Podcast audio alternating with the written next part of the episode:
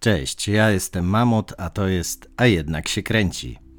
Dobra, muszę to powiedzieć. Nie będzie ani słowa o upadku rakiet w przewodowie, więc jeśli liczyliście na jakiś komentarz dotyczący tych wydarzeń, to sorry, ale nie będę o tym mówił, bo już wszyscy eksperci w kraju się wypowiedzieli na setkach filmików czy twitterowych wątków i mi się po prostu nie chce babrać w tym szambie. Głos zabrali również tacy specjaliści jak Marcin Najman, więc ja już tylko czekam, co powie na ten temat dziki trener, chyba że już się wypowiedział, tylko jeszcze to do mnie nie dotarło. I ja wiem, że ktoś może mi zarzucić, że zajmuję się katastrofami, nie będąc geologiem, czy fizykiem jądrowym, albo inżynierem budowli hydrotechnicznych, ale coś tam jednak wspólnego z prowadzeniem dochodzeń mam i już za chwilę możliwe, że będę miał wam coś więcej do zakomunikowania. Dlatego też odcinki podcastrow pojawiają się teraz tak nieregularnie. Po prostu każdy z nich to sporo pracy nad wszelkiego rodzaju materiałami źródłowymi, która polega z jednej strony na wyciąganiu informacji, a z drugiej odrzucaniu tego wszystkiego, co nie ma potwierdzenia w dowodach, wyklucza się wzajemnie lub jest po prostu wymysłem wyssanym z palca, który powstał tylko dla zasięgów i kliknięć. Bo ja nie siadam i nie gadam tego, co mi w danej chwili ślina na język przyniesie. Spędzam długie godziny przed ekranem komputera, a czasem wertując strony książek z mojej prywatnej biblioteki, żeby to, co mówię, miało jakikolwiek sens. I dlatego o przewodowie ani słowa.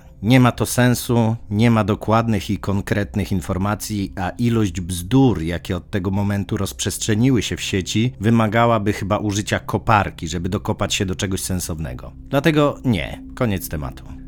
Pierwszym odcinku, a jednak się kręci, wspominałem o powodziach w Australii i zakładałem, że jeszcze pewnie tam wrócimy, chociażby po to, żeby podsumować to, co się wydarzyło. Jednak to jeszcze nie jest ten moment, bo gwałtowne powodzie cały czas nawiedzają ten kontynent. Związane jest to zjawiskiem La Niña, które jest w sumie przeciwieństwem El Niño. Generalnie w dużym skrócie zjawisko El Niño jest spowodowane wyższą niż przeciętnie temperaturą wody w oceanie i powoduje intensywne opady w Ameryce Południowej, a susze w Australii i Azji. Natomiast dokładnie odwrotnie jest w przypadku Laninia, kiedy to w Ameryce Południowej, a nawet na zachodnim wybrzeżu Stanów Zjednoczonych opady są niewielkie, powodując straty w uprawach, natomiast po zachodniej stronie Pacyfiku dochodzi do bardzo gwałtownych i intensywnych opadów deszczu, więc w sposób oczywisty prowadzi to do powodzi lub osunięć ziemi. I teraz tak. La Niña utrzymuje się już drugi rok z rzędu, więc Australia zmaga się z powodziami już od jakiegoś czasu. Ale pewnie pamiętacie, jak media relacjonowały australijskie pożary buszu, które trwały na przełomie 2019 i 2020 roku. Jak wynika z opublikowanych przez chyba najlepszą organizację zajmującą się obserwowaniem i przewidywaniem pogody, czyli amerykańską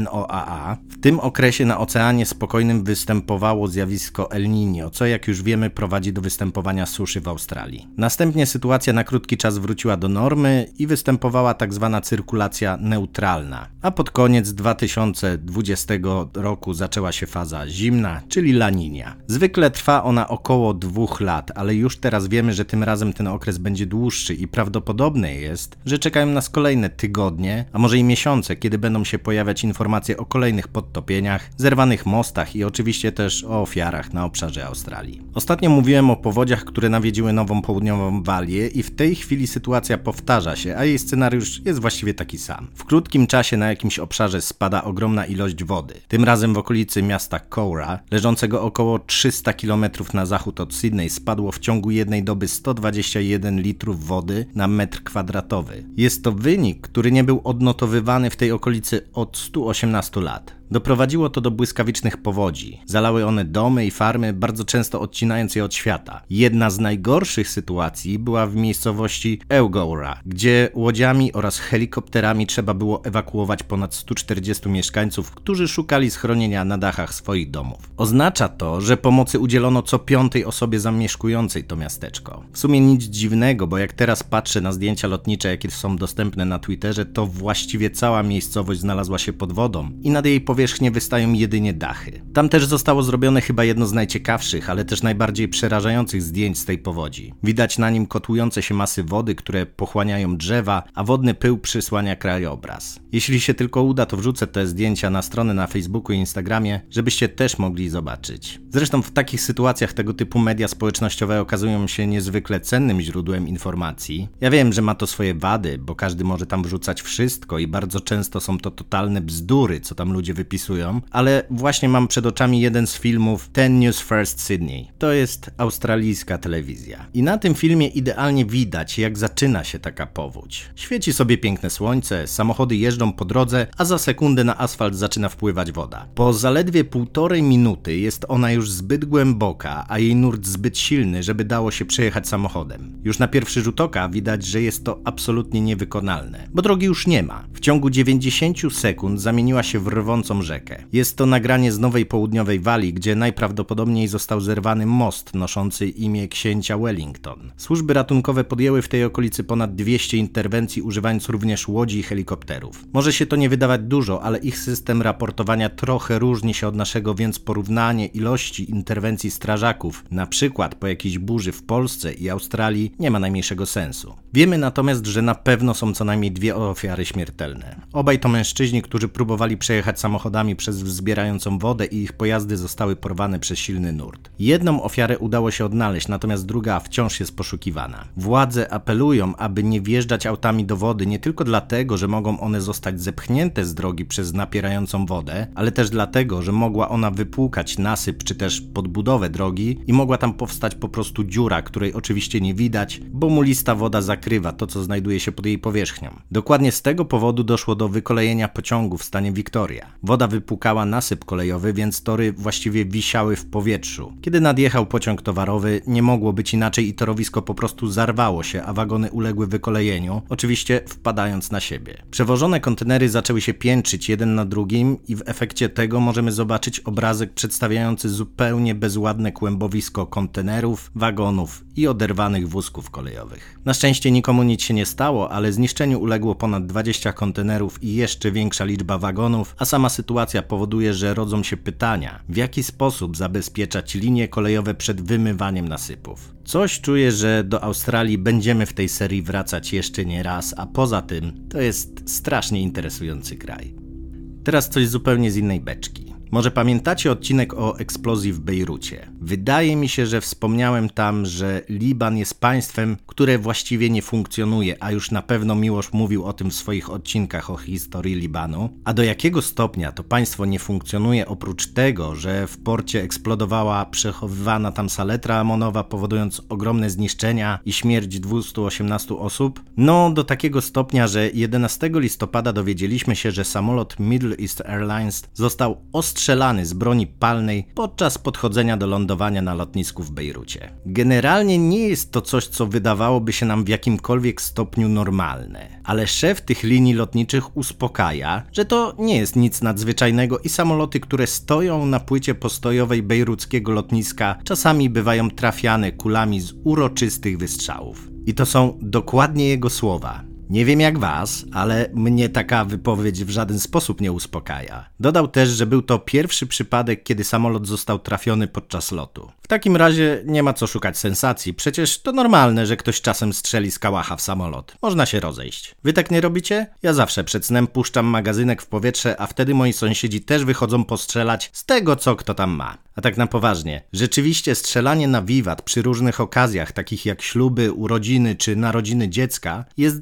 zjawiskiem dość częstym w tym kraju, mimo że grozi za to do trzech lat pozbawienia wolności. Ale żeby kogoś skazać, to trzeba najpierw w ogóle ustalić, kto strzelał, a jest to raczej mało prawdopodobne, bo z jednej strony, jak już wspomniałem, państwo średnio ogarnia własne problemy, a po drugie, ilość niezarejestrowanej broni w rękach obywateli jest tam całkiem spora, bo do 1990 roku trwała tam wojna domowa, więc spore jej ilości pozostały, a ponadto Libia jest szlakiem przerzutowym nielegalnej broni do Syrii, więc bardzo możliwym jest, że część tego przemytu wjechała do kraju, ale już go nie opuściła. Na ile to poważny problem? Bejruckie Centrum Information International informuje, że w latach 2010-2021 każdego roku średnio od takich wystrzałów na wiwat ginęło 7 osób, a 15 odnosiło obrażenia.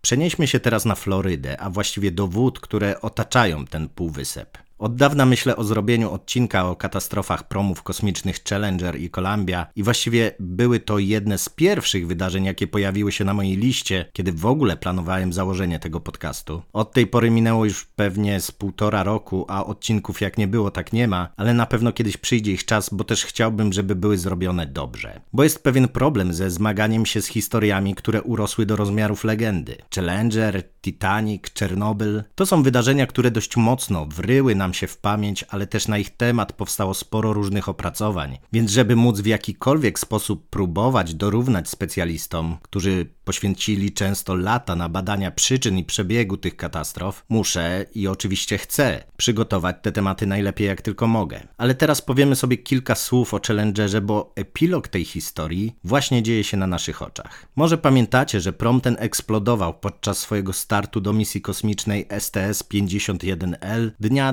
28 stycznia 1986 roku. Jego zadaniem było umieszczenie na orbicie satelity komunikacyjnego, a to, co było wyjątkowe, to obecność na pokładzie Christy McAuliffe, która miała być pierwszą nauczycielką w kosmosie. Niestety w 73 sekundzie lotu prom zostaje rozerwany, a wszyscy członkowie załogi giną, aczkolwiek prawdopodobnie dopiero wtedy, kiedy kabina zderzy się z powierzchnią oceanu. Szczątki promu i rakiet zbierano potem przez lata na plażach Florydy, ale też aktywnie ich poszukiwano przy użyciu sonarów, łodzi podwodnych, zdalnie sterowanych robotów i oczywiście nurków. Udało się odzyskać bardzo dużo fragmentów, co też zdecydowanie pomogło w ustaleniu przyczyn i przebiegu katastrofy. Ale nie zebrano wszystkich. 11 lat później morze wyrzuciło na plażę Cocoa Beach dwa duże fragmenty promu. Ale jak się okazuje, nie były one ostatnie. Informacja, do której dotarłem, pochodzi z 11 listopada. Mówi ona, że nurkowie, którzy u wybrzeży Florydy poszukiwali wraku samolotu z II wojny światowej, niespodziewanie natrafili na fragment wahadłowca. Swoje odkrycie natychmiast zgłosili do NASA, a agencja potwierdziła autentyczność odkrycia. Dość długo trzymano to w tajemnicy, bo jak się okazuje, dokonano go na początku 2022 roku podczas kręcenia filmu dokumentalnego dla History Channel, który miał opowiadać o trójkącie bermudzkim na chwilę obecną NASA zastanawia się, jak wydobyć ten fragment i czy w ogóle to robić. Skąd więc pewność, że jest to kawałek wahadłowca? Bo na zdjęciach widać charakterystyczne płytki, które stanowiły osłonę termiczną dolnej części promu kosmicznego, które zresztą były przyczyną katastrofy Kolumbii, co jest oczywiście tematem na osobny odcinek. Na pewno wydobycie tego fragmentu nic nie zmieni w ustaleniach dotyczących samej katastrofy, jednak myślę, że NASA zdecyduje się wkrótce na ten krok, bo nie jest to szczególnie wielkie wyzwanie techniczne, czy logistyczne. Zdaję sobie sprawę, że nie jest to odcinek szczegółowy i zgłębiający poruszane tematy, ale nie zawsze się da, to raz. A dwa, czasem chciałbym Was o czymś poinformować, a na głębsze analizy mieć miejsce w normalnych odcinkach podcastrof. To tyle na dzisiaj. Do usłyszenia.